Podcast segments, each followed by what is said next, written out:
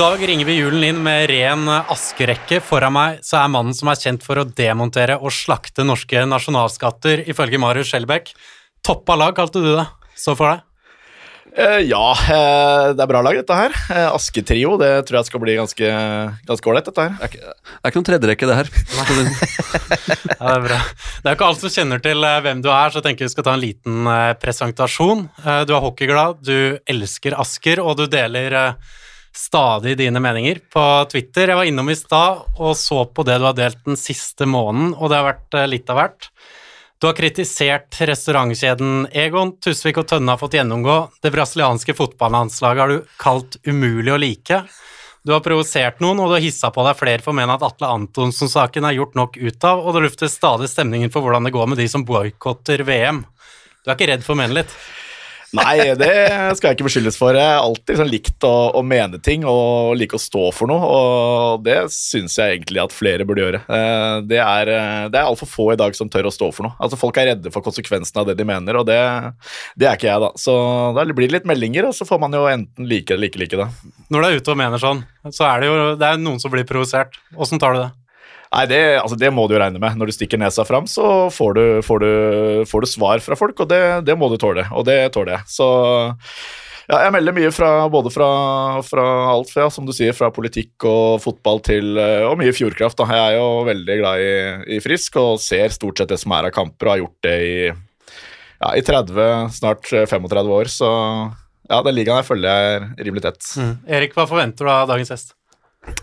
Nei, hva, for, hva skal man forvente? Det, for, nei, det er jo det folk um, Jeg kjenner jo Daniel godt, uh, og det folk ikke alltid klarer å se, er jo at han er jo ganske smart. Eh, de blir bare provosert av meningene, men så ligger det jo mye bak det. da, og han, han følger med. og Hockey Vi har diskutert mye hockey og er ofte ganske enige i mye. Um, og han, han kan, kan mye hockey. Så, um, og det er, det, det er vel derfor han først og fremst er her. Ja, det er jo det. Men du er klar for å melde litt i dag også? Ja, jeg skal prøve på det. Ja, så bra.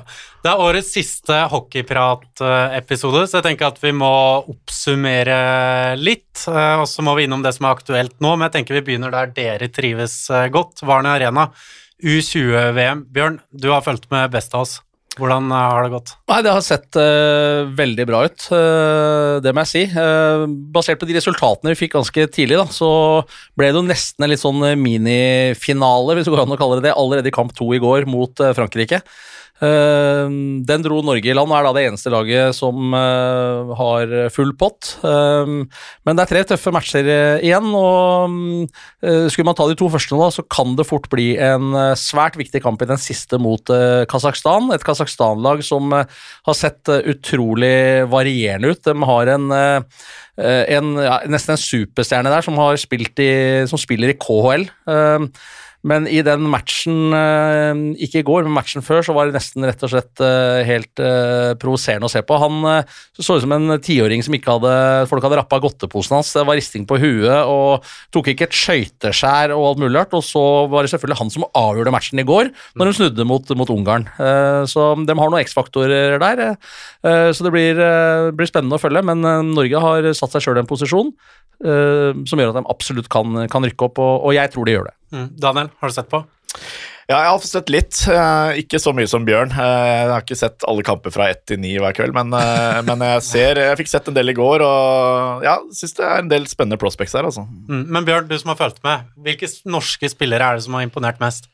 Nei, vi har hatt øh, Jeg syns jo Stensrud øh, i mål, det er ikke noe overraskende. Eh, man må ha en god hockeymålvakt hvis han skal klare å, å rykke opp. Eh, Han var helt ålreit på Jordal. det var akkurat det han var. Han fikk seg en liten fri der på samlinga, tok seg en tur inn dit, og første målvakten til å holde nullen. Han er født i 2004, første til å holde nullen på Jordal, eller Nye Jordal. Så Stensrud har vært veldig, veldig bra.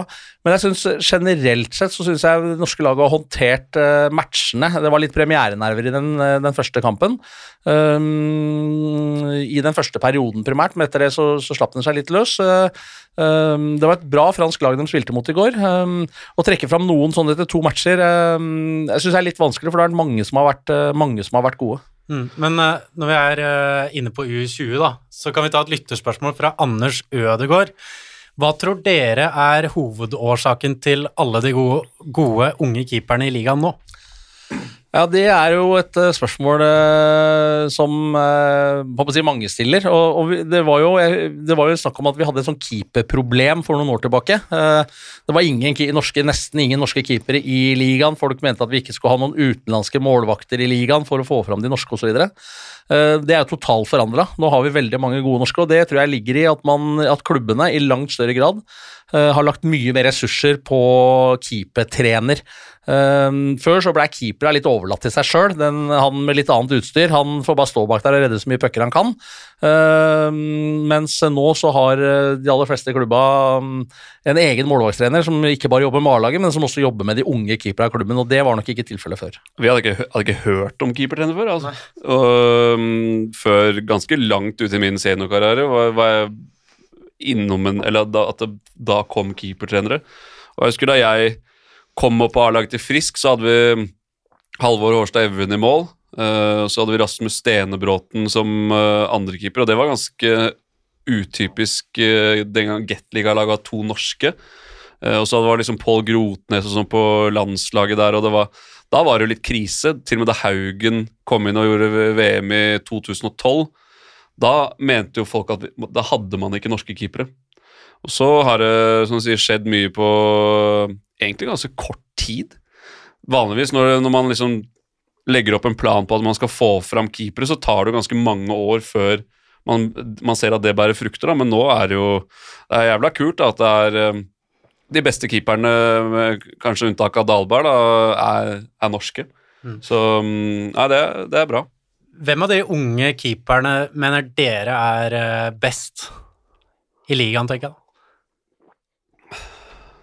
Altså, det er vanskelig å komme unna Markus Stensrud i Storhamar. Altså, han har ikke spilt så mye ennå, men han, det han viste på, på Jordal der, og det han har vist i U20, det er jo Han holder et enormt nivå. Er en ganske liten keeper, men ekstremt bevegelig og meget spennende spiller. Og det, jeg tror han eh, kan fort være han Storhamar må satse på i år, for Kokkmann ser ikke så bra ut. Ja, så Nei, ja. ja, Tobias Nordmann Ja. i Sparta var ikke så Slapp han inn en del kasser eh, på søndag mot eh, Stjernen, men, eh, men sånn hvis du ser over ett hele sesongen, så har han levert ekstremt bra. Har jo en helt rå redningsprosent. Um, så um, ja, de to tubene til Vålerenga Ja, Ar- Arntzen i Stjernen, som på en måte har utfordra Stjernen henta en ung svensk målvakt eh, dit, og eh, helt sikkert ikke for at han skulle være noen keeper. og Jeg er litt overraska hvis de tenkte at de to gutta der skal dele på det også, men, eh, men det har de gjort, og Arntzen har vært eh, kanonbra. Uh, Fain Vestavik kom inn for Dalberg, en skada Dalberg i fjor, og leverte kanonbra svært lenge inne på, på Breivoll i i Vålerenga. Det, det, det er mange keepere som, eh, som leverer på høyt nivå. Eh, Trym Gran i Lillehammer. Mm. Så, og alle de gutta er jo ja, Alle er født på 2000-tallet, er det vel? Ja, er er, unge, er en som er 99? Det kan godt hende Ja, men eh, det er i hvert fall 2000 pluss eller minus da, på alle sammen. Ja. Stensrud yngst med 2004. Så Men før vi slipper eh, U20-VM helt, er det én kamp som er igjen som du ser på som en nøkkelkamp? Eh, ja, det er det jo for så vidt. Og jeg tenker primært at det fort kan bli Kasakhstan. De bør i utgangspunktet nå vinne de to neste kampene. Eh, og hvis eh, de gjør det, så, så vil det jo bli en sånn småfinale på, på lørdag. Men eh, da kan det fort bli litt sånn innbydes fordi man har slått hverandre osv. Så, videre. så Så Norge må gjøre jobben i de to neste, mot Ungarn og Danmark. Og så får vi en, kan de få en finale mot Kasakhstan, litt avhengig av hvordan resultatene blir. Men det kan også være avgjort før den matchen, i og med at Norge nå har vunnet begge, og alle de andre har avgitt minst tre poeng. Ja, det blir spennende å se. Jeg skal, nå skal jeg skryte litt av Hockeyforbundet. Ja. Det har ikke jeg for vane å gjøre. Uh, men det er ganske fett å se Da jeg spilte U20-VM og U18-VM og sånn på um, midten og Eller altså midten av 2000-tallet, så var ikke Det så ikke så proft ut som det gjør nå, for å si det sånn. Nå er det jo selvfølgelig fett at det er i Varen Arena, helt ny hall og full pakke, men bare sånne småting som at liksom alle gutta har norsk, eh, Norge-hansker. eh, Mats Hansen, Morten Ask, Anders Jøsi, boksen i ordentlige dresser som passer. Uh, det hadde ikke Ørjan Løvdahl nede i Polen, for å si det sånn. Uh, og, og, du ser, og det liksom Det ser ut som en sånn Det ser proft ut, altså. Og, og det, det så, Da jeg satt og så på i går, så jeg, tenkte jeg liksom på sånn Nå er vi liksom Det er der vi må være. Der skal jo norsk hockey være. Det skal se bra ut, det skal driftes bra, det skal være ordentlig, og det er gode trenere, bra plan på ting. Fett at vi sender det på TV. Ålreit uh, besøk. Ja, nesten, nesten 2000 tilskuere på den eh, første matchen på Det, det, er, det er kanontall, rett og slett. Det er eh, juniormatch, altså. Ja, ja. Eh, Så det er eh, Ja, for det er ikke Det er, vi må, det er juniormatch. Ja. Det er akkurat det der. Så, så nå Det syns jeg var gøy å se, at, og det ser liksom Det ser bra ut. å se. Det, det meste ser jo bra ut ute i Asker, men, det, men det, akkurat der var det bra. Ja. Hvor viktig er det at det ser bra ut, eh, denne? Nei, Når ting skal være i Asker, så må det se bra ut. Og det gjør dette her. altså Det er et kult arrangement. Vi skal snakke om uh, Fjordkraftligaen egentlig resten av episoden, og til å begynne med der så tenker jeg at eh, du skal få lov til å mene litt. Kan ikke du gå inn på hva du mener har vært eh, sesongens største skuffelser til nå? Ja, nei, det Skal vi gå ut da, Erik, og så får han holde på en eh, stund, eller? Bli, vær gjerne med. Nei, altså, nummer én for meg er, er eh, soleklart er jo Manglerud Star. Altså, jeg hadde litt forventninger til de denne sesongen her. Jeg hadde egentlig regnet med at de kom til å utfordre Lillehammer ganske hardt om den, om den syvendeplassen. Og så og så går, eh, går det tre måneder, og så, og så slippes bomben. At eh, spillerne fristilles. eh, Sporten blir nok en gang, og ligaen blir nok en gang satt i, i vanry eh, gjennom økonomisk rot. Altså Man gambler, og det var vel Erik som nevnte sist, du gambler med spillerne. Altså du, Dette er jo folk som har familie, folk som har en karriere. Eh, de har valgt å gå, dra til, til Oslo, spille for Manglerud. Tre måneder ut i kontrakten, så er det, det er ikke penger igjen. Eh, og det er jo ingenting som tilsier at, at det skulle være noen grunn til at uh, inntektsgrunnlaget skulle være noe helt annet enn det man hadde regnet med første sesongen. Så her har man jo kjørt fullt Donald Duck-budsjett, uh, og, og, og da syns jeg det er jævlig provoserende Unnskyld jordbruket. Veldig provoserende når når styreleder da går ut og melder og er litt breial når du først liksom har kommet til det uføret her, da mener jeg at da skal du være ydmyk. Eh, Det var han ikke, og da hang jeg meg på selvfølgelig på Twitter, og det ble jo litt, eh, litt meldinger der. Uh, og så ble han invitert i, i podkasten deres, uh, hvor jeg syns han ble grilla ganske hardt, Uh, og med rette, selvfølgelig. Men når han da klarer å prestere og si at ligaen ikke har utviklet seg på 30-40 år, så da, liksom, da, da har du dratt det lenger enn at du bare ødelegger for, for egen klubb. Du ødelegger for hele ligaen i tillegg. Altså det, Alle de klubbene som jobber beinhardt hver dag, eh, har bygd stein for stein, bygd opp administrasjon, bygd opp eh, eh, markedsavdeling, eh, lagd sponsorpool. Eh, et helt annet inntektsgrunnlag enn man hadde for for 30-40 år siden, hvor man basically levde av eh, publikumsinntekter. Eh, og var du sponsor, da, så fikk du en vantreklame, og that's it. Eh, nå, er jo, nå er situasjonen en helt annen hos de fleste andre klubber enn en Manglerud. Da. Og, og når du da liksom sier at, eh, ja, at du, du Ingenting har skjedd på 30-40 år, når TV 2 kommer med det produktet de har. For 30-40 år siden så måtte du lese eh, resultatet i en kamp måtte du lese i, i morgendagens avis. Eh, nå ser du det eh, med fantastisk kameraproduksjon, eh, gode kommentatorer. Altså Det er noe helt annet. Du har, liksom, kan se førstedivisjon, du kan se Bambusa-ligaen. Altså det, er, det er ikke til å sammenligne med det produktet som var for 30-40 år siden. Uh, nye haller altså Vi kunne dratt dette her så langt, og, og hvordan du kan si det. altså Han snakker jo ned eget produkt. Og når du da skal dra inn sponsorer til et eget produkt, hvor du da sier at her har det ikke skjedd noe på 30-40 år, ja, det, for meg så er det er helt, helt uforståelig. Mm. Bjørn, du har fulgt med hele veien. Har det skjedd noe på 30-40 Nei, Det er klart at eh, det har det, og, og Daniel er jo inne på veldig mye av det. Jeg husker godt at jeg ringte til Fredrikstad Blad for å høre åssen det gikk med, med matchen der nede. eh, For de hadde sånn eh, nummer, og det satt noen, satt noen tanter i gamle Askerhallen og tok imot folk som ringte dit for å høre åssen det, det gikk osv. Det, var- det var ståa.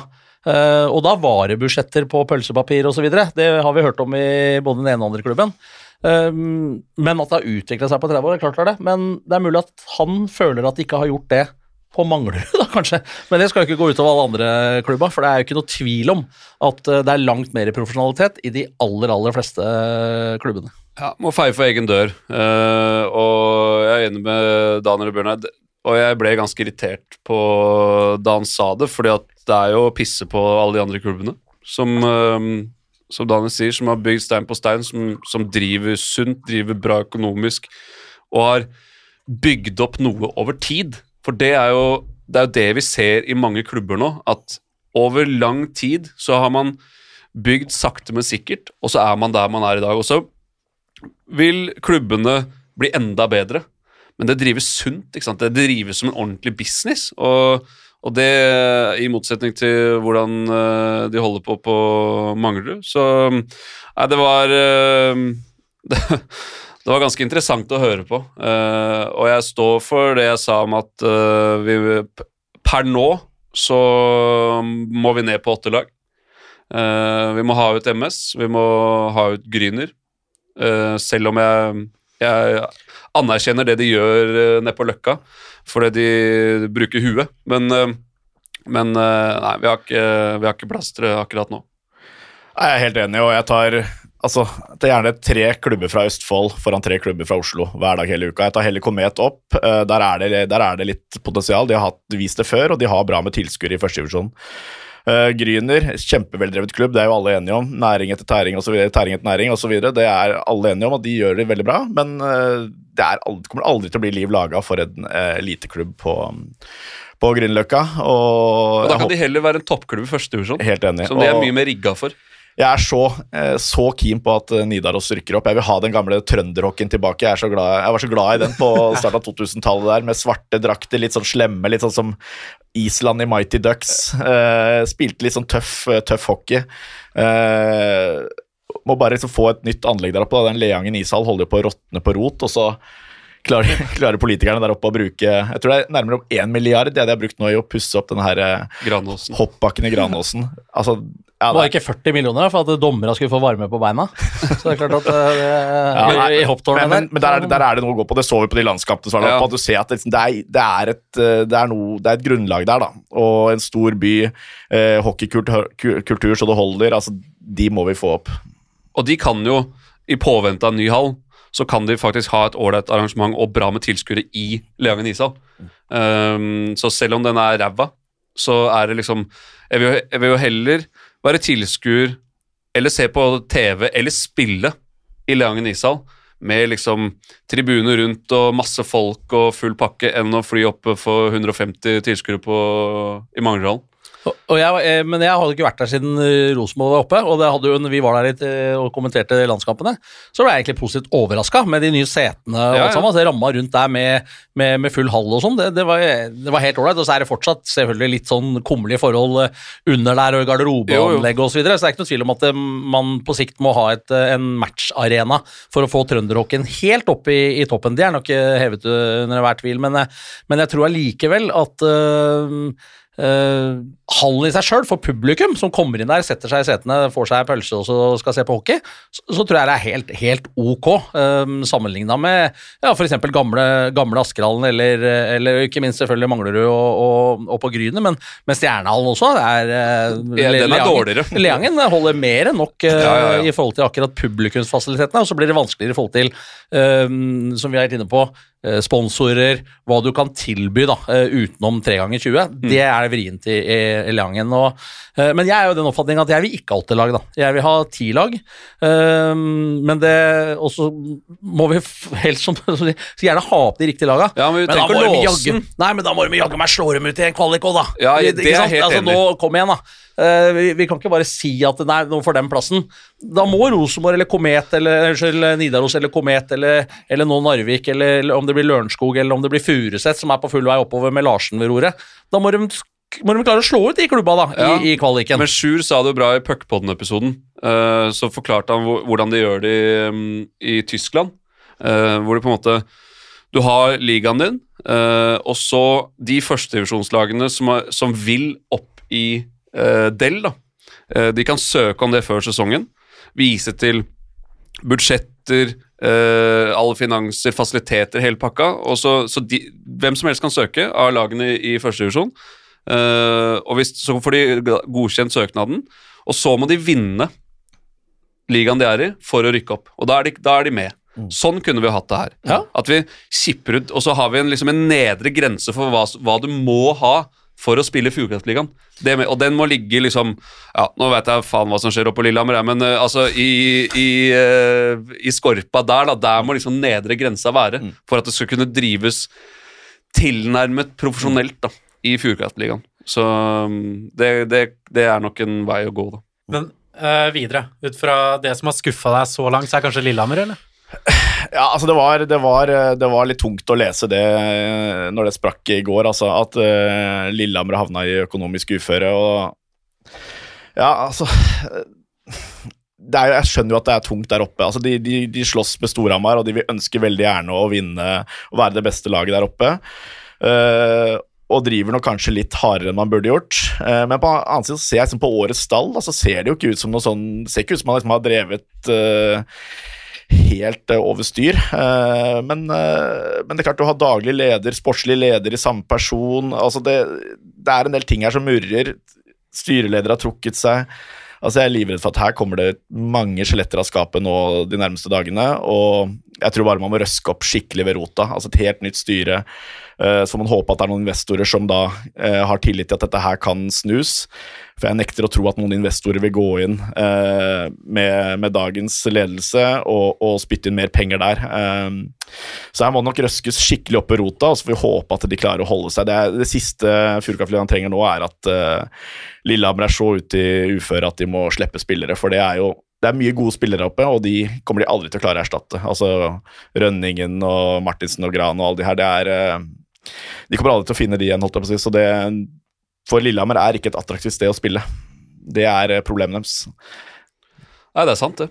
Ja, uh, Som vi i TV 2 forstår det, så er det en investorgruppe som er villig til å gå inn i Lillehammer. Hva, hvis du skulle gått inn med penger, Bjørn, si det, et sånt scenario, hva skulle til eh, i Lillehammer? Hva skulle vært rydda opp for at eh, man går inn med penger Ja, det, det, er et litt vanskelig spørsmål, for jeg veit ikke hva som er rota til.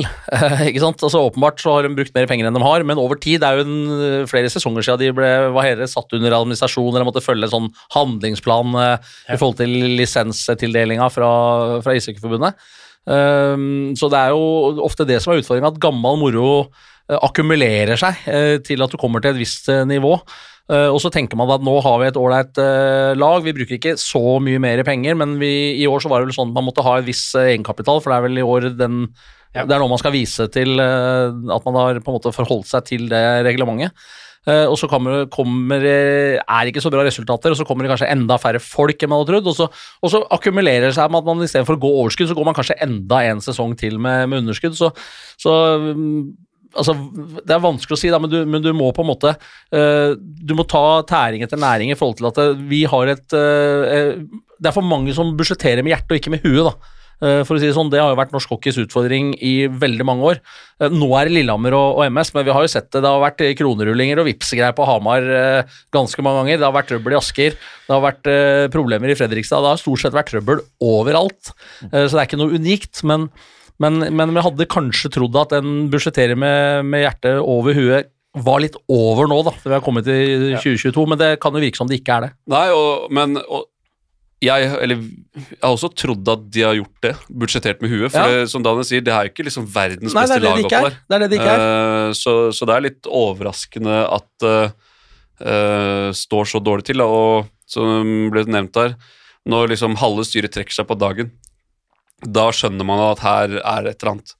Så ja, Men altså som en investorgruppe, det er jo sannsynligvis da noen folk der oppe som har cash, eh, og sannsynligvis også en tilhørighet til klubben, fordi det er et tapsprosjekt. For det er jo altså det er ikke en investering. Det er en redningsgruppe. Det er jo det det egentlig er. Ja. Eh, fordi at du får ikke igjen de penga. Eh, så hvis du går inn i selskap og liksom uh, kjøper opp det som går dårlig, så kan du snu det så, sånn at de begynner å tjene penger, men det er jo ingen som skal kjøpe opp uh, Lillehammer og så snur det på tre år og selger igjen. Det er ikke sånn det funker. ikke sant? For de pengene som kommer inn, de blir jo brukt. Det er jo ikke amerikanske tilstander her.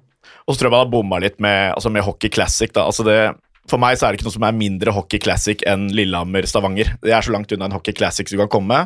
Og så er det selvfølgelig fordi Storhamar ikke øh, ønsket å bidra i år. Uh, men jeg skjønner jo Storhamar også. Her har man bidratt i, i mange år. Uh, 3000-4000 Storhamar-fans kommer oppover. Uh, og man får en veldig, veldig liten del av kaka. Og der tror jeg nok kanskje Lillehammer har skutt seg litt selv i foten, da, ved å ikke tilby kanskje en, en bedre deal for Storhamar. da, fordi en Hockey Classic så må det være det må være Storhamar-Lillehammer, ellers er det Det må være en klassiker. Det må være en klassiker, og det er virkelig ikke en klassiker. altså Lillehammer-Stavanger, det, er, ja, det er så langt unna. Bjørn, hva tenker du om det?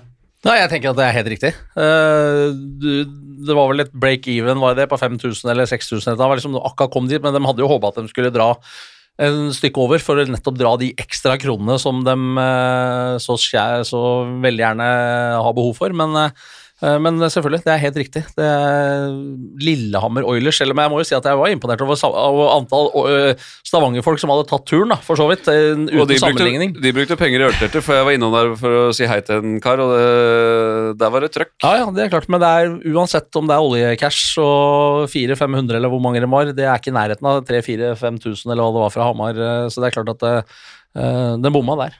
For Storhamar sin del så handler det jo litt, også litt om at de blir jo brukt en del til nettopp det her.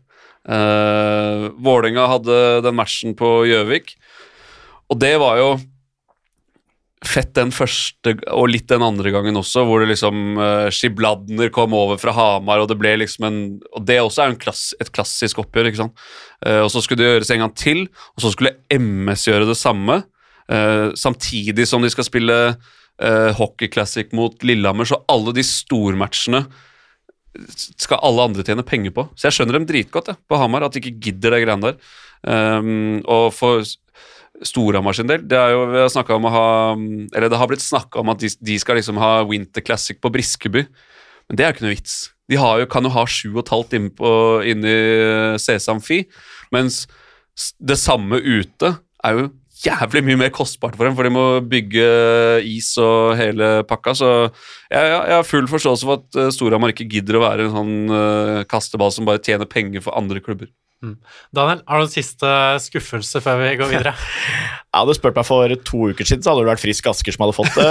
For det er jo ofte en klubb jeg Jeg er ofte kritisk til egen klubb, da, og, og det har jo ikke vært uh, har ikke vært uh, bare blendende spill i Warner Arena i år, men nå har man jo seks seire på rad, så blir det feil å kanskje kalle det en skuffelse. De ligger jo rundt der jeg hadde spådd dem, så får gå på en spiller, da, og da tror jeg jeg må til Storhamar igjen. Altså, da litt sånn en fyr jeg rett og slett liker veldig dårlig, og det er han uh, Anton Carlsson på, på Storhamar. Altså, han ser ut som en litt sånn, uh, litt sånn kjip spiller, går på én skøyte og har en stil så det ser ut som han skal være Jaromir Jager eller Wayne Gretzky, men og lagd hockeyteppe bak der og sånn, men han er ikke veldig god, altså. Og nå har de jo åtte utlendinger, og jeg tror det spøker litt for hans plass i den, det laget der. Er det prestasjoner, eller er det utseendet som tar den her? Det er blanding. Altså, Provoserende utseende og stil og lite skills, og det, det er en litt sånn kjip miks. ja. hvordan syns dere han har prestert? Um, under det man hadde forventa. Um, ehm, det var jo litt snakk om han uh, før han signerte, og at han skulle være fryktelig god, da. Uh, og det har han jo ikke vært. Så så han eh, Nå har jo Quenville fått opp eh, dampen eh, litt. Skåra noen viktige mål og, og ser ut som han trives litt bedre oppe på Hamar. Men, men han Carlsson, det ser seigt ut, altså. Det gjør det. Så, så jeg, blir ikke, jeg, blir heller ikke overraska hvis han sitter på tribunen. Ja, Fine skuffelser det, Daniel. Bare hyggelig. Siden det er siste episode for året, så tenker jeg at vi kan gå gjennom lagene så langt, og hvordan det har gått. Og da kan vi begynne med vi kan begynne i bunn. Gryner og Ringerike, hvordan uh, har det gått Vi begynner med Gryner, da. Hvordan har det gått mot hva du forventa, Erik? Uh, nei, cirka sånn jeg har forventa. De har sju poeng nå. Um, ja. Og jeg syns de har kommet seg ut fra slags, hvordan start de hadde. Da, da, så det ordentlig mørkt ut, og da var det litt snakk om at de kanskje ikke fikk tosifra poeng og sånn, men uh, det er um, det er uh, litt for dårlig nivå. Uh, ganske mye for dårlig nivå til å henge med de lagene over. Uh, samtidig så er det en litt sånn sjarmerende klubb som, som, har gjort alt riktig ut fra forutsetningene og, og sånn, men Og så er det også en bra klubb for de som ikke tar en plass i, i lagene over. Kan komme dit. Eh, få verdifull istid mot eh, bedre lag og utvikle seg som hockeyspillere, men, eh, men alt i alt kanskje ja, akkurat som forventa. Men har de det som skal til for å holde seg, da? Ja, de har jo klart det nå hele veien, da. Siden de kom opp. Så det vil jo bli feil å si noe annet. Jeg vil jo ikke si at de er sånn voldsomt mye dårligere. Nå har de jo ikke han keeperen som de hadde i fjor. Men Men øh, ja, sannsynligvis. Jeg vet ikke. Det er vanskelig å si hvor, hvordan de står seg mot øh, Og så blir det spennende å se hvem som skal spille kvalik fra førstedivisjon. Men, øh, men jeg ser ikke noen grunn til at de ikke skal gjøre det. De har jo klart det før. Mm. Bjørn, tror du at de er gode nok til å klare seg? Uh, ja, jeg tror de kan klare en, en kvalik, og da er vi jo tilbake der vi var for noen minutter siden. Nemlig at uh, hvis ikke de førstesjonslagene klarer å slå ut uh, Gryner eller MS eller hvem det er som havner i den kvaliken, så Uh, ja, da er de ikke gode nok, da, selv om de, kanskje noen av dem har finere haller og større budsjetter og mm. mer i publikum. Uh, det må leveres på isen også, men, men at Nidaros uh, og Narvik, som kanskje er de to sterkeste når alt kommer til alt, kan klare å vippe f.eks. Uh, Gryner av pinnen, det kan de. og Så blir det spennende å se hvilke to lag som ender opp i kvalik fra Fjordkraftligaen også, for det klart det kan fort være MS. Ja, Det tror jeg. Det tror jeg også. Det er veldig sannsynlig at det er MS. Jeg kan ikke se at ikke Ringerike tar igjen de fem poengene der nå. Altså. Nå har de vel Gryner på, på Ja, det er hengematch på Heng, ja, tirsdag. Ja. Ringerike Gryner. Ja. Så ja, jeg er ganske trygg på det. Jeg så litt på, på Nidaros mot Bergen i helgen, faktisk. og Nidaros er ganske bra, altså. Men, men det er alltid vanskelig liksom, å vite Altså, Jeg jobba jo lenge som oddsetter på norsk hockey, og, og det var alltid det var tricky de første kampene når eh, Fjordkraftligalagene skulle møte de førstedivisjonslagene. Uh, du ser liksom David Hallstrøm, som en var liksom fjerderekkespiller i Stjernen, har snitter over to poeng per kamp i, i Nidaros. Mm. Så det er klart det, det, er ganske stort sprang mellom førstedivisjon og, og Fjordkraft. Men uh, jeg håper inderlig at Nidaros klarer det, det, men jeg er ikke trygg på det, altså. Nei, og når Vi var inne på Vi kan hoppe til neste på lista med, med Ringerike. Der um, Først og fremst så Der ligger jo alt til rette, syns jeg, for at de kan skape et, et utrolig bra hockeymiljø der oppe. Kjemper ikke mot noe særlig annet. Relativt stor by. Uh, bra rekruttering begynner å bli der også. så Uh, og I årets sesong så har de slitt voldsomt med skader. Mange andre som har gjort det. Men uh, men de har man jo virkelig sett forskjellen altså Når de får tilbake toppspillerne sine, kontra når de mangla dem. Nå plukker de poeng mot de gode lagene. Uh, ha en hengematch mot Gryner, bør bli tre poeng der. Da er de der oppe. Uh, og det vet de selv også, det ser man. Så, så jeg føler meg ganske trygg på at, uh, på at de tar igjen MS og kommer til å spille sluttspill, som jeg syns er helt riktig. Uh, når man ser på ja, både det som har skjedd, men, uh, men også før sesongen uh, kan, ja, Ikke før sesongen, for da så det greit ut, men, men det, det, er sånn det skal være. Ringerike skal til sluttspill og med, med Borch der, og der kan det ja, der, der kan det bli noe ålreit, altså. Mm. Hva syns du om det som gjøres Hønefoss? Jeg er veldig, veldig fan av Ringerike på, på, mange måter. Altså, det har vært litt sånn farmerklubb for Frisk, men uh, jeg syns de har liksom bygd stein på stein da, uh, over mange år. Uh, ser ut som de drives sunt. nå er det jo planer om en ny arena der. litt som Erik sier, og det er litt, jeg er litt fan av sånne klubber som er i, i, byer hvor de ikke konkurrerer mot noe annet. Mm. Det er mm. litt sånn som Asker her også. Det er jo ikke noe annet i Asker. Altså det, du har Asker Aliens og Asker Fotball, men det, det er parenteser da, i forhold til Friske Asker.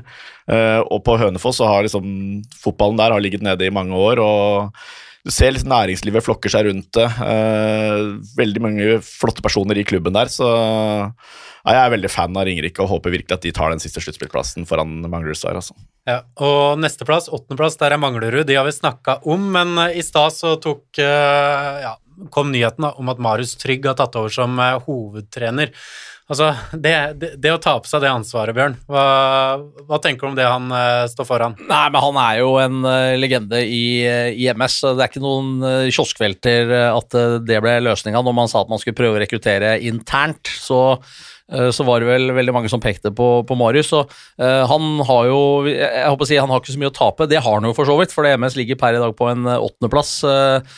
men om, om det skulle gå gærent og de rykker ned, så så er det kanskje bra for MS som klubb uansett, eh, at man får begynne litt eh, på nytt igjen.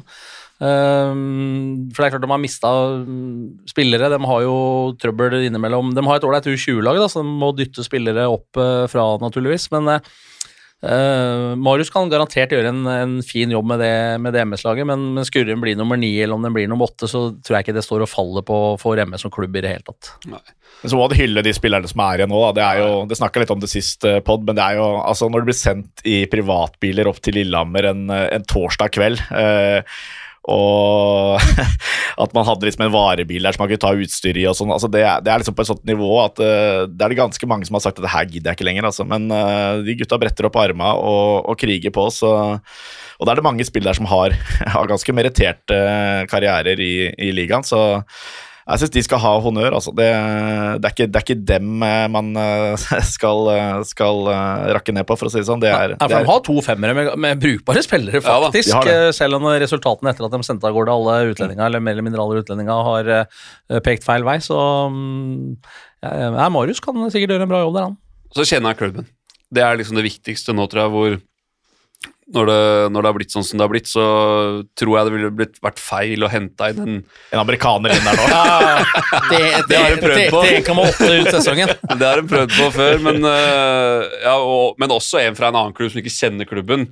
Um, en liksom Hente inn en ung uh, som skal p få prøve seg. Få inn en rutinert herremann som kjenner klubben godt, vet liksom alt det utenomsportslige, kjenner til det og liksom kommer inn og kun fokuserer på det sportslige uten å bry seg så mye om det, det som skjer utenom. Så det tror jeg er helt riktig. Og han, det var jo snakk om at han skulle få med seg Martin Hansen også akkurat det samme der, ikke sant. Jeg, ja, har jo sittet i styr og stell der og holdt på, så, så det tror jeg er helt riktig. Lillehammer, det har vi snakka om. Storhamar, neste. Hvordan har det gått mot hva du forventa, Bjørn? Eh, Det har ikke gått så bra som det jeg forventa. Med den eh, rekrutteringa de gjorde før eh, sesongen, så tippa jo vi dem eh, høyt eh, der oppe. Eh, vært veldig ustabile. Har gått fra noen vanvittig gode resultater til å levere egentlig dårlige resultater. Eh, ikke fått eh, spillet til å sitte i så stor grad som jeg hadde trodd, men eh, nå har de jo henta inn eh, eh, 800-900 NHL-matcher eh, til sammen de siste 14 dagene. Så det er klart at det laget på papiret nå ser jo utrolig sterkt ut. Hvis Boot virker eh, Han har jo en litt skadehistorikk. Eh, og han Kindle kommer opp på, på et nivå um, Jeg er vel mer eh, kanskje usikker på han Kindle, som egentlig hadde lagt opp for to år siden. Så spilte han i Tsjekkia i fjor, og så har han ikke spilt noe før i år. Men eh, um, så allerede den første matchen at han har bra ferdigheter. Han uh, bra på skøyter. Ja. Så, så jeg, jeg tror han også kommer til å bli bra. Og med Booth også, så Storhamar har et, et fryktinngytende lag med et par utlendinger på tribunen, og det er liksom Altså, kom igjen, da. Ja, det Altså, Jeg holder de som eh, favoritter til bøtta, jeg nå. altså. Det kan si at de, ja, de ligger på sjetteplass nå, men det er, det er seks poeng opp. Uh, et vanvittig lag, en vanvittig bredde, og det vet vi jo er liksom viktig inn mot et sluttspill også, hvor det kommer skader, du, at du kan rotere litt på utlendinger der og sånn. Jeg, Jeg syns de ser utrolig spennende ut. Så er det klart det er jo spørsmålstegn ved keeperplassen, om man skal gi Stensrud førstespaden der, eller om man, eh, eller om man Kokkmann skal få tillit, altså det, eller om de bytter på. Eh, men jeg undersnakka ting er jo liksom hvor viktig det er i årets sesong er jo liksom å bli topp top, eh, topp to. Det å kunne, kunne få velge først her og ikke Altså fordi mellom, mellom én og seks så er det jo nesten bingo. Altså det, er helt jevn, altså det blir helt jevne oppgjør. Nesten 50-50 nesten hvem som møtes der. Eh, ja, det er to kvartfinaleserier som er helt To rått, blir bingo, og så har du to som blir veldig store favoritter. Eh, kommer veldig an på hva som skjer med Lillehammer nå, men antageligvis eh, De blir neppe styrka inn mot sluttspillet. Eh, og, og så topp to nå er ekstremt viktig, og den tror jeg blir en ganske stor fight for å få den plassen, for å si det sånn. Ja. Men vi har snakka om pengebruk, og det er jo ingen tvil om at de to spillerne, uten at jeg vet hva de koster, så Storhamar blar opp. Skjønner du det, Erik, at de bruker penger nå?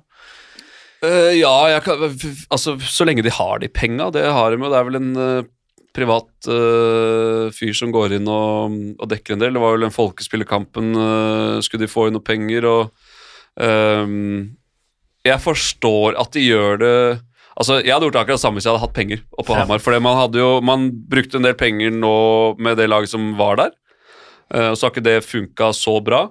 Eh, og da hadde jeg også brukt henta inn litt spillere for å på en måte prøve å snu det og, og styrke det laget. Og jeg også er enig i at hvis, de, hvis Kindle og Boot uh, funker, da ser det ordentlig vasst ut der oppe. Altså, for det nå, nå eh, når Berglund får liksom spilt seg litt i form Thoresen has- Han har egentlig sett eh, bra ut hele sesongen.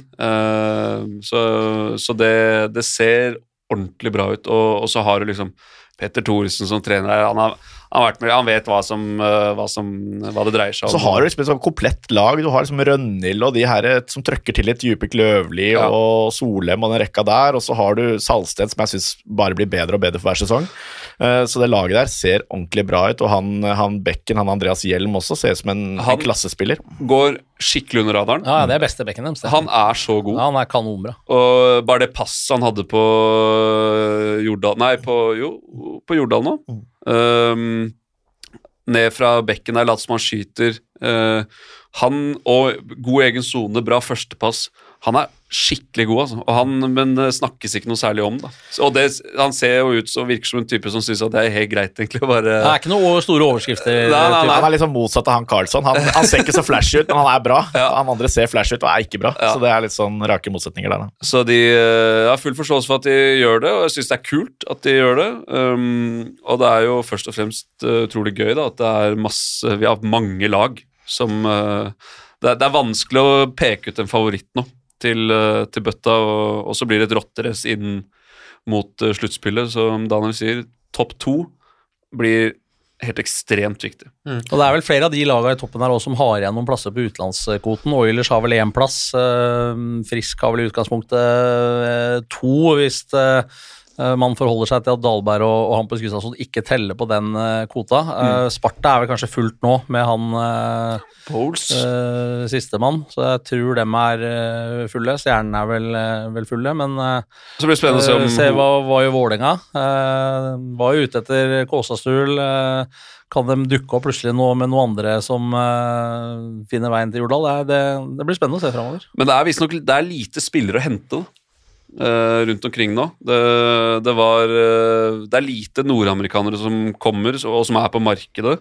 Um, sånn at hvis man skal hente inn noe krutt, så må, er man på en måte litt avhengig av at det er noen som feiler eller blir kicka i toppligaer. da. Eh, og, men der kan det jo åpne seg noen muligheter. Men det er likevel dyrt, så spørsmålet er hvem av klubba som har allikevel penger til å hente. Skal du, Ja. For skal du hente noe, så, så er det dyre spillere. Spillere er alltid på markedet, men, men ikke med norske lommebøker Mm.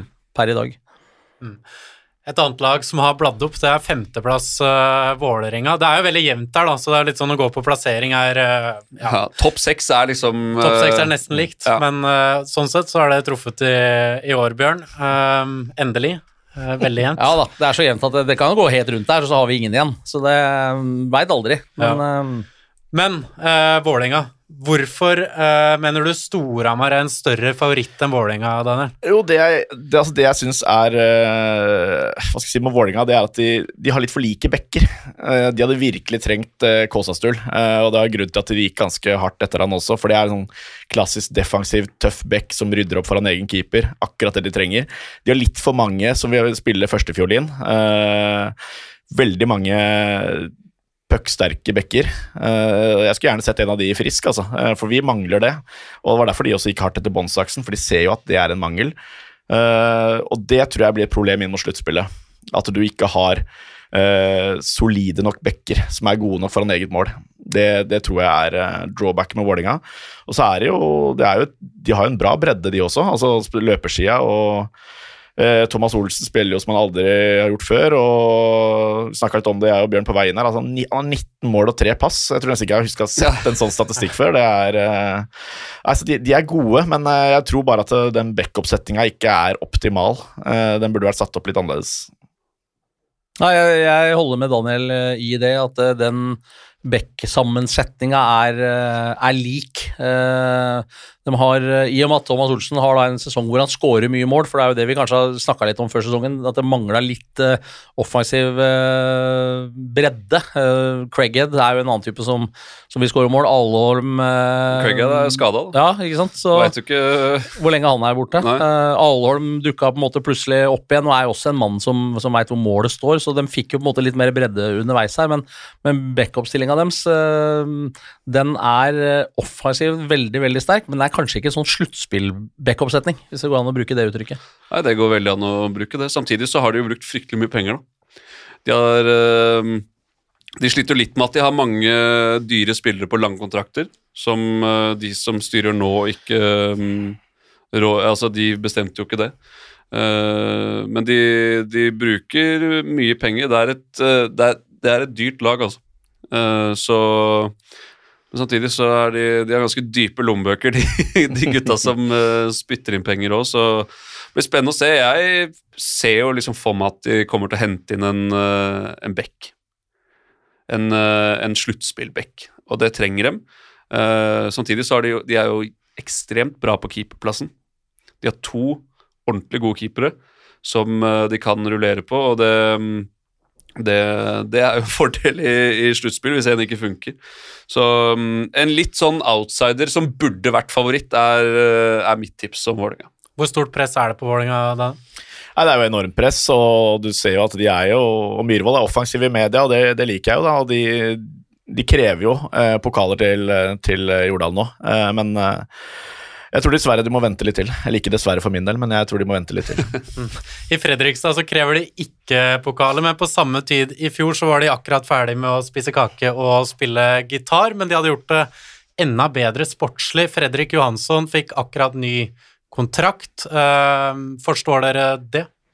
Ja, det må man jo si. Uh, han er jo i hvert fall godt likt av spillerne, uh, sier rapportene, og, og har jo gjort det veldig bra. De også har slitt med mye skader, men, eh, men eh, har klart seg fint. Og som vi, ja, vi gjentar oss selv, det er jo så jevnt at eh, topp seks er jo liksom Alle lagene ligger, ligger på samme nivå, men eh, det skjønner jeg godt. De, de har fortsatt litt skader.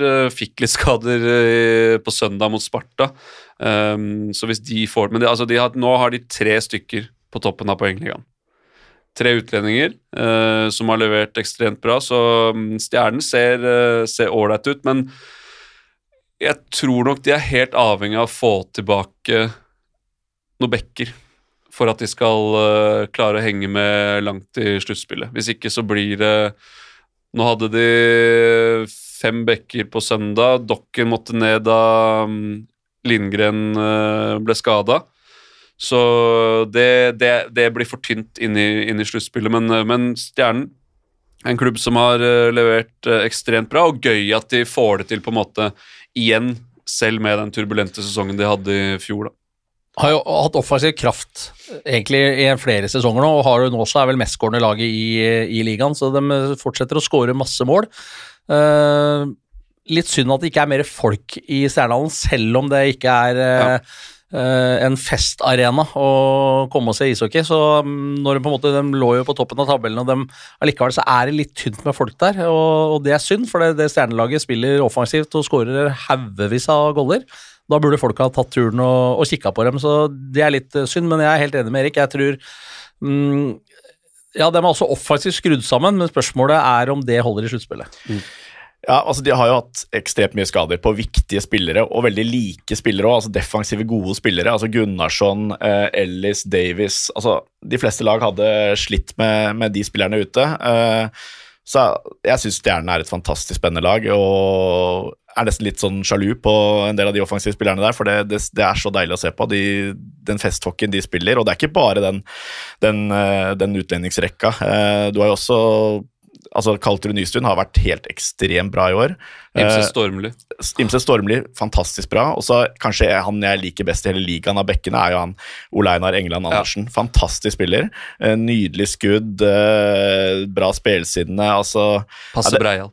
Ja, og det liker jeg. Altså, det liker å være litt bra. Så lenge du har skills, så kan du få lov til å være breial. Eh, men, uh, men han uh, Ja, det laget der syns jeg ser de, ser de ser veldig bra ut, og jeg, jeg tror han treneren her er, er dyktig, så jeg skjønner godt at de, de fornya der. For det er Du ser liksom spillerne blomstre litt i det laget der, og, og det det er jo tre, trenerens fortjeneste, så når de, hvis de får tilbake Ellis og Gunnarsson og den gjengen der, da, og han Albin Lindgren, jeg vet ikke hva slags skade han fikk på søndag. Hodeskade, vel. Ja, Men han var bare lånt inn en periode, Ja, var han ikke det? han Han var lånt inn fordi- ut sesongen uh, uansett. Fordi. Ellis og Gunnarsson uh, Ja. var Men en skada. skadefri stjernetropp kan, Det kan bli farlig. kan, bli, kan gå langt, Ja, de kan eh, faktisk. veien, de, så vi altså. bare håper at de ikke rører det til med et eller annet som de har hatt en tendens til å gjøre nå de siste to, tre, fire åra, nesten uansett hvilket lag de har hatt. At det, det dukker opp et eller annet ræl som, som skjer. Det får vi bare håpe for eh, Stjernen som klubb eh, og for laget og alt som er. At det, de, det er en fryd og gammen-situasjon nå ut sesongen. Skadefri stjernetropp kan gå langt. Nei, Jeg har jo fyrt litt på Twitter på at jeg mener det er en sånn taperkultur i veggene der nede, men uh, jeg har et inntrykk av at den er litt borte nå, så, så jeg syns det, ser- det ser skummelt ut. De er gode. Mm. Uh, I Warner, da. Frisk. Hvordan uh, Andreplass, altså det er to poeng bak tabellederen, men har spillet gjens, gjenspeila poengfangsten? Nei, altså jeg syns jo ikke det. Altså det. Jeg har jo fyrt litt på han eh, assistenttreneren der også, for det, jeg synes, altså det, er, det er sjelden de imponerer, og spesielt på hjemmebane i Warner Arena. Uh, og Man kritiserer at det er lite folk der, og sånn, men, men det, er, det er veldig lite blendende spill. Det har vært, eh, nå har man fått litt mer fasong på det nå de siste sju-åtte kampene. Eh, spiller litt mer sånn eh, mer sluttspillhockey, som man hadde veldig suksess med det året man vant bøtta i, i 2019. Eh, så det, det ser litt bedre ut nå, men det er ikke noe flashy spill, altså. Men det har jeg egentlig kanskje ikke forventa. Dette, et sånn- dette er typisk sånn sluttspillag. Mange solide, rutinerte ringrever som jeg tror kommer til å våkne til liv når det blir, blir sluttspill. Men nå har vi gått på fem bekker nå siste kampene fordi Vassenden er i U20.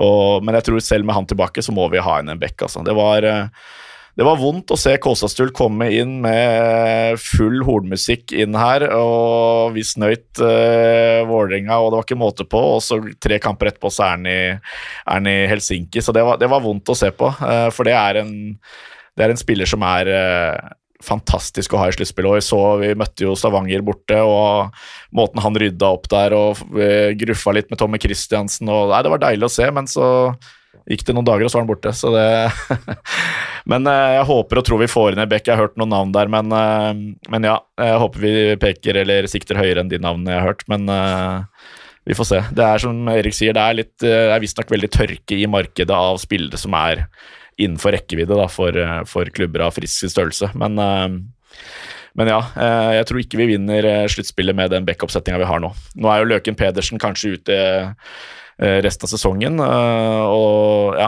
da er det skrikende behov etter en, en powerplay-back, selv om Båndsaksen klaska inn to, to på Hamar, så ja, så tror jeg vi trenger en, en som har litt uh, Vi skulle hatt en Ole Einar Engeland Andersen, det hadde vært deilig. Ja, han er god. Men øh, apropos Kåsasul, akkurat det der irriterer meg litt. Uh, at jeg kan, jeg kan forstå han. Han vil jo på en måte ut og spille ute. Nå har han jo riktignok prøvd mange ganger, uh, så det spennende å se hvordan han, hvordan han gjør det nå. Det er, han kommer til et bra lag i en bra liga, selvfølgelig. Og jeg kan også forstå at Frisk tar sjansen og har den klausulen om at ja, du kan gå fram til et visst punkt, eller fram til en viss dato. Eh, men det irriterer meg at vi liksom at vi er der i Norge, at det skal være så jævla mye klausuler hele tiden på at folk kan gå til utenlandske klubber. eh, at vi Jeg vil så gjerne at vi skal komme dit hvor det, dette er liksom en såpass attraktiv liga og bra liga at selvfølgelig skal du spille ut sesongen. Og så kan du dra hvor du vil.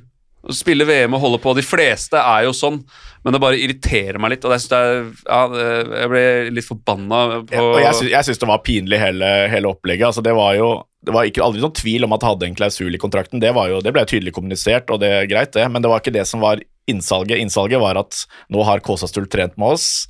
Eh, han hadde tilbud fra Vålerenga, valgte Frisk. Nå blir det Frisk, eh, hvis ikke det skjer noe mot formodning. Eh, og så går det under en uke, og så er han borte. Det, er, altså det, det, det ser ikke så veldig bra ut. Eh, og veldig mange som jeg snakket med, følte seg at de ble holdt for narr. Og folk fra andre klubber syns jo bare ler jo. Altså, det ser ikke bra ut. Og man kan jo ikke klandre Kåsastul for at han går til Helsinki, det, det skulle jo bare mangle. Eh, det hadde nok alle gjort, men eh, for Frisk del syns jeg det så ganske, ganske dårlig ut. Hvordan syns du det så ut, eh, Bjørn? Nei, det er klart at når han forsvinner etter ei uke, Ja. det hadde nok verken eh, Frisk eller kanskje Kåsasul selv eh, trodd. Eh, men som Dan er inne på, det ble tydelig kommunisert at han hadde muligheten til å gå akkurat når det passa, men det var vel kanskje ingen som trodde at det skulle ta så kort Nei. tid, at han blei her såpass lenge at eh, en eller annen dato ble passert, så han blei ut sesongen. For det er klart at det, det er en type bekk som en sluttspillbekk. Og så er jo for så vidt Bekksida til Frisk ganske lik, da, selv om Kåsasul er litt annerledes enn de, de fleste, kan man si. Så, så er det jo en rekke sånne spillere som er i klubben. øh, Spillere som kan øh, håndtere øh, sluttspillhockey, øh, på en måte. Um, og så er det kanskje noe mer mangel på uh, den offensive kreativiteten på, på Bekksida, og, og, den er det kanskje Vassenden, unggutten, som, som er kanskje den mest utprega offensive bekken i det laget. Men han er bare 18 år gammel, og det er noe annet å spille, spille sluttspill i din første ordentlige sesong. Mm. Før sesongen, så ja, i ditt og Jesper sitt uh, tabelltips, så hadde du Stavanger Oilers som uh, favoritt. Er det fortsatt din favoritt til å hente hjem der? Uh, nei, jeg syns vel uh, kanskje at, uh, som vi var inne på stav, hvis Kindle og Boot virker, så syns jeg Storhamar har et sterkere lag på papiret enn det Stavanger har per i dag. Mm. Erik, Oilers, hvordan, hva tenker du? Jeg syns de mangler noe, noe for å um, ha, få et favorittstempel av meg, i hvert fall. jeg syns de norske ikke er like gode som de har vært når de har tatt NM-gull tidligere. Og så syns jeg utlendingene ikke holder helt samme nivå. Nå begynner det å se litt bedre ut, uh, men uh, men jeg Og der også blir det vel uh, kanskje gjort en move til, mest sannsynlig. Mm. men de Higgsen er kjent for å ikke stresse. Uh, har bra nettverk, bra kontakter. Um, dyp lommebok. ganske dyp lommebok òg. Så de, de, gjør jo ikke noe forhasta når de skal hente inn noen spillere. Men, uh, men jeg mener de mangler noe for å, um, for å være favoritter, i hvert fall. Men, men, som så mange ganger før, så har vi Eller ikke så mange ganger, men vi har sett det før, i hvert fall, at de starter litt slow, uh, og så begynner toget å rulle litt. Grann, og så, litt sånn som i år lå, lå, et stykke etter, hadde noen hengematcher, og så bare begynner å rulle litt, litt, litt under radaren, egentlig. Ja, akkurat, vi, har, vi syns ikke de har vært så gode, Nei, men de er ett poeng bak Sparta, selv om Sparta har en uh, hengematch, og de er på annenplass. Og vi, og vi syns ikke de har vært så gode. Ja, det er nettopp det, og det er derfor de, de, sannsynligvis nettopp. kommer til å være farlige, da, pluss at de da sånn, mest sannsynlig kommer til å, å forsterke også, så så man skal aldri avskrive Stavanger. Og, og det gjorde jeg ikke ved å si at Storhamar Men altså med Boot og Kindle også, hvis de virker, som sagt, så, så, så ser Storhamar med den bredden også, for den bredden har ikke, har ikke Oilers heller, faktisk. Nei, den har ingen som har. Mm. Sparta på topp, er det her sesongen hvor det kan eh, hentes hjem til Sarpsborg? Uh, nei, jeg tror ikke det. Altså, skal det skje, så tror jeg de må, må få fiksa han Jonas Holøs, uh, så han kan spille en 30 minutter per match, uh, og det tror jeg ikke kommer til å skje. Så nei, du ser det litt nå, at, at, de andre klubbene har funnet litt ut av spesielt det powerplay-oppsettinga deres. Jakobsson til høyre der osv. De, det var jo på tide også. Ja, det var på tide, og så kan man si at det kanskje Det er lettere sagt enn gjort, men ja Sett de siste kampene, jeg så de i, i Warner sist, og de så ikke veldig bra ut der. Eh, fikk de veldig lite offensivt, og syns også de var klart dårligere enn en Stjernen i, den, i den søndagskampen. Så det ser litt, eh, det ser litt uh, tynt ut der. Og, så er det sånn, og det var jo så før sesongen også, at det, det laget her er jo litt tynt. Uh, de mista solide spillere. og og ja, Jeg tror ikke de har jeg tror ikke de er helt der oppe, men, eh, men Sjur er jo fantastisk trener, og det han får ut av de gutta der og Det kommer opp den ene Meisingseth og den ene Lilleberg etter den andre, og det er, det er alltid de samme navnene, men, eh, men eh, det blir hockeyspillere alle sammen, og det, det, er, det er kult å se, altså, men jeg tror ikke de går hele veien. Mm, trenger de Holøs for å gå hele veien, Bjørn? Ja, Det kan de fort uh, gjøre, men som Daniel uh, Jeg håper, men jeg blir overraska hvis han kommer såpass i stand at han kan spille 25-30 minutter, som vi har vært vant til å se han uh, i klubb og landslag i en mannsalder. men bare hans tilstedeværelse, om han så kan spille 5-6-8-10 minutter i en del viktige situasjoner, så, så kan han gjøre en forskjell. Og Sparta er litt sånn de er solide overalt. Det er liksom ikke sånn kjempeflashy, bortsett fra Jacobsen. Så er det jo interessant da, det der med å finne ut av Powerplay. For det, nå har Ovesjkin stått og klint de ja, pucka inn på toppen av sikeren i 2000 sesonger. Han skårer 30-40 mål hvert år. Ah, de aller fleste veit det, eh, og det er ikke at du ikke har funnet ut av det. Eh, da må du levere inn trenerlisensen din, men det er vanskelig likevel, for de er såpass bra med Faggerud på toppen der, flytter pucken bra osv. Men med en gang han var ute noen matcher, så, ja, var, ikke, så var det ikke helt der, for da får de ikke den trusselen på direkteskuddet fra blålinja osv. Men, men Sparta viste jo i fjor, den var en hårsbredd fra å uh, slå ut favoritten. Uh, klarte akkurat ikke. Men, men, men de, kan, de, kan, gå hele veien, men det er det mange lag som kan. Mm. Um, alle de fire, fem, seks øverste uh, kan vinne. Hva tror du? Nei, jeg er enig i resonnementene. Det, um, de har sett uh, fryktelig bra ut, og den første rekka er, er ordentlig god. Selvfølgelig, med, hvis Soløs kommer tilbake, så, så vil jo det styrke laget betraktelig. Eh, selv om jeg tviler på at han, han har mulighet til å spille så mye som man, eh, man kanskje Ja, i hvert fall har sett den før. Eh, de har vært utrolig gode i starten og har leda serien eh, fortjent. Nå mm, ser man at Eller det er veldig veldig vanskelig å opprettholde en sånn streak gjennom en hel sesong. Da. Man får noen down-perioder, det vil bli tøffere innimellom. Uh, og, men helt klart en utfordrer. Sjur har vært med så lenge, vet, vet hva det dreier seg om. Uh, som jeg sier, holdt på å gå til finale i fjor. Uh, og de Sparta er vel det laget jeg, som får mest ut av det de har, syns jeg. Um, fordi det er ikke noe sånn blendende tropp i det hele tatt. Men de har, de har satt sammen bra, laget på riktig måte. Har bra med toppspillere som er um, topp, ja, toppspillere i ligaen, og, og får, uh, får mye ut av Ikke lite, men uh, medium da, i forhold til mange andre lag. Siste snakkis i norsk hockey, det kommer fra hvor Sparta er involvert. Sparta Stjernen, du hadde sterke meninger der om eh, diving. Nå har du fått tenkt litt eh, mer på det. Er det et voksende problem i ligaen? Ja, øh, men det har vi sett over noen år nå.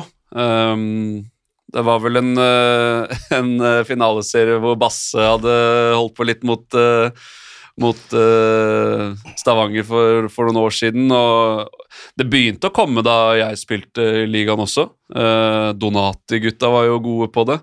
Uh, men om det er et voksende problem Ja, både ja og nei, men det er et problem, syns jeg. fordi at jeg vil ikke at vi skal komme dit. Men man ser det i Sverige. Der har det vært masse saker på det. Hvor, men de har jo vært flinkere enn og Nå er det klart at organisasjonen i SHL er jo noe større enn eh, Fjordkraftligaen, men, eh, men de har jo bøtelagt det og på en måte prøvd å, å slå ned på det. Eh, jeg syns det er som sånn Faggerud på søndag. Syns jeg er piss, for å være helt ærlig. Det er eh, Og det er så åpenlyst. Jeg, jeg, jeg tenkte ikke, jeg tenkte ikke tanken, men så er det liksom også det derre Du prøver å lure dommeren for å få en fordel av det, få et powerplay, score et mål. Jeg kan jo forstå det, jeg vet, man skjønner jo mekanismene her, men det ser litt dumt ut i hockeyen, altså. Det ser Jeg liker ikke å Og så er det jo interessant å liksom høre um, intervjuene etter matchen med Sjur, som uh, Og det kjøper jeg, at han ikke, ikke vil ha noe av det. Niklas Rost er ute og sier at det ikke er bra. Han er jo ikke akkurat uh, bestegutten i klassen uh, hva gjelder diving, han heller, så um, ja, jeg syns det er uh, Jeg syns ikke, ikke noe om det, altså. Jeg, um, og jeg mener jo at ja, vi får litt tyn innimellom at vi at vi lett går til å ta, snakke om det negative i ligaen. Det er lett å snakke om det, for det er der det på en måte eh, er mye sterke meninger og, og alt sånne ting, og, og det blir gjerne en diskusjon rundt det. Jeg mener at vi må ha masse fokus på akkurat det med diving, for det, um, der må man på en måte ta de som gjør det. Og, og ikke henge dem ut, men vi må, vi må, vi må belyse det, for det er en uting. Uting, er det det, Bjørn? Ja, ja, absolutt. Det er en uting. Og det har, det har jo sammenheng med at øh, øh, Og det er nok kanskje noe mer av det nå, men det har nok også sammenheng med at det blir større oppmerksomhet på det, fordi det oftere blir sett Vi har flere kameraer. altså har TV-sender. Det er ikke så mange år siden det ikke var et TV-kameraknapp Nei, på er matcher òg, ikke sant. Så, og det er sosiale medier som igjen da filmer av TV-skjermen og legger ut, og så blir det jo en, en helt annen greie rundt det. Eh, så, Morten Ask var ikke dårlig på å vise at han ble slasha i hansken. Nei, nei, men ikke sant, så, så, så, det har vært mange som hjelper til. Uh, Ja, ja. Du får en liten hekting, og så, og så hjelper du til litt. Og, og, uh, for dommerne er det vanskelig. I veldig mange ja. situasjoner så er det kjempevanskelig. Og det er spørsmålet som, som Erik er inne på, sånn som at skal man gå inn og bøtelegge det etterpå? Um, når vi ser hvordan uh, straffeutmålinga er i etterkant på en del type sånne matchstraffsituasjoner, og noen får én match, og noen får ti, og, og så skal vi altså Da må noen andre Ja, vi, de som holder på nå, vi, vi, da må vi ha en rekke skuespillere tror jeg, til å sitte i den eh, greia der, som veit hva det vil si å filme. holdt jeg på å si. Men altså det, da tror jeg vi får enda mer negativ fokus rundt en del, eh, en del greier. Så en type selvjustis eh, som Dashur eh, og andre kanskje er i første rekke da, veien å gå for å begynne å bøtelegge og sånn også i ettertid. Hvor skal du gjøre det? Skal du ta en månedslønn, skal du ha en halv en? Da er det jo folk som ikke får betalt husleia si, for vi er ikke helt der, dessverre. Nei, da, men jeg mener at altså, jeg mener man skal ta dette ekstremt ved roten med en gang. Altså, for det man ser det i fotball, det, har, det, har bare, det blir bare verre og verre, og det ser ut som det aldri er noe ende på, på galskapen. og jeg så jo kampen på, på, søndag, og han hadde jo to stykker. Mm. Eh, ble tatt for den andre, og det tror jeg var fordi at man hadde så mye fokus på det etter første perioden, ved at han ble, ikke ble tatt på det. Og du ser han gliser mm. eh, mot Michaelsen der etter at han har fått dratt på en utvisning på Michaelsen. Uh, og jeg er faktisk veldig enig, og jeg tenkte tanken selv før jeg leste den bloggen til han uh, Jim Gallagher fra, fra Ringerike der. Han skrev jo at, uh, at man bør få en, få en enkampstraff. Altså to minutter for, for diving er enkampstraff, og så kan du ta repeat offender. Da. Så er du liksom, gjør du det flere ganger, så får du to kamper neste gang. Også. Da tør du ikke, vet du. Da tør du ikke.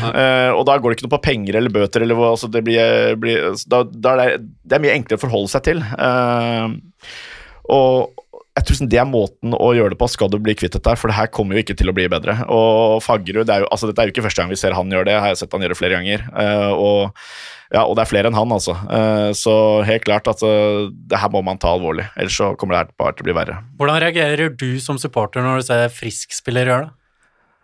Nei, altså Skal jeg være ærlig, da, når jeg så, så Basse, Basse diva i, og, og, det førte til at Frisk vant eh, bøtta i 2019, så skal jeg ikke si at jeg gråt etterpå at det var fokuset mitt på bøttefesten der. Det var det ikke, men, eh, men du vil jo ikke se det. Eh, og det er ikke noe at du syns det er kult at spillere på laget ditt diver, men, men Nei, så jeg tror bare man må ta det, ta det skikkelig ved rota med en gang, og så, og så, blir man kvitt det på en eller annen måte. For det er, det er jo flaut. altså Som spiller, blir tatt på det én gang, og du får én kampskarantene, blir tatt på en gang til for to kamper.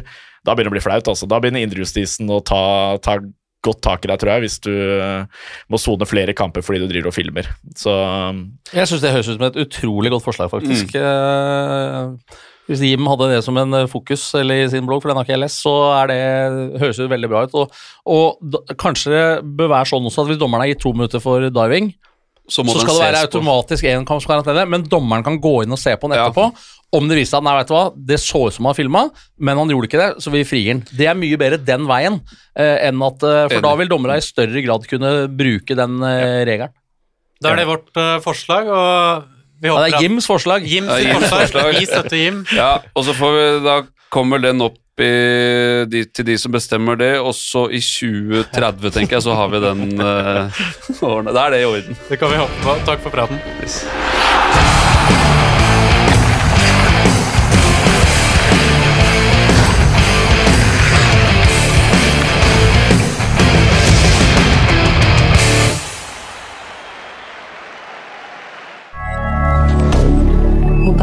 Canada.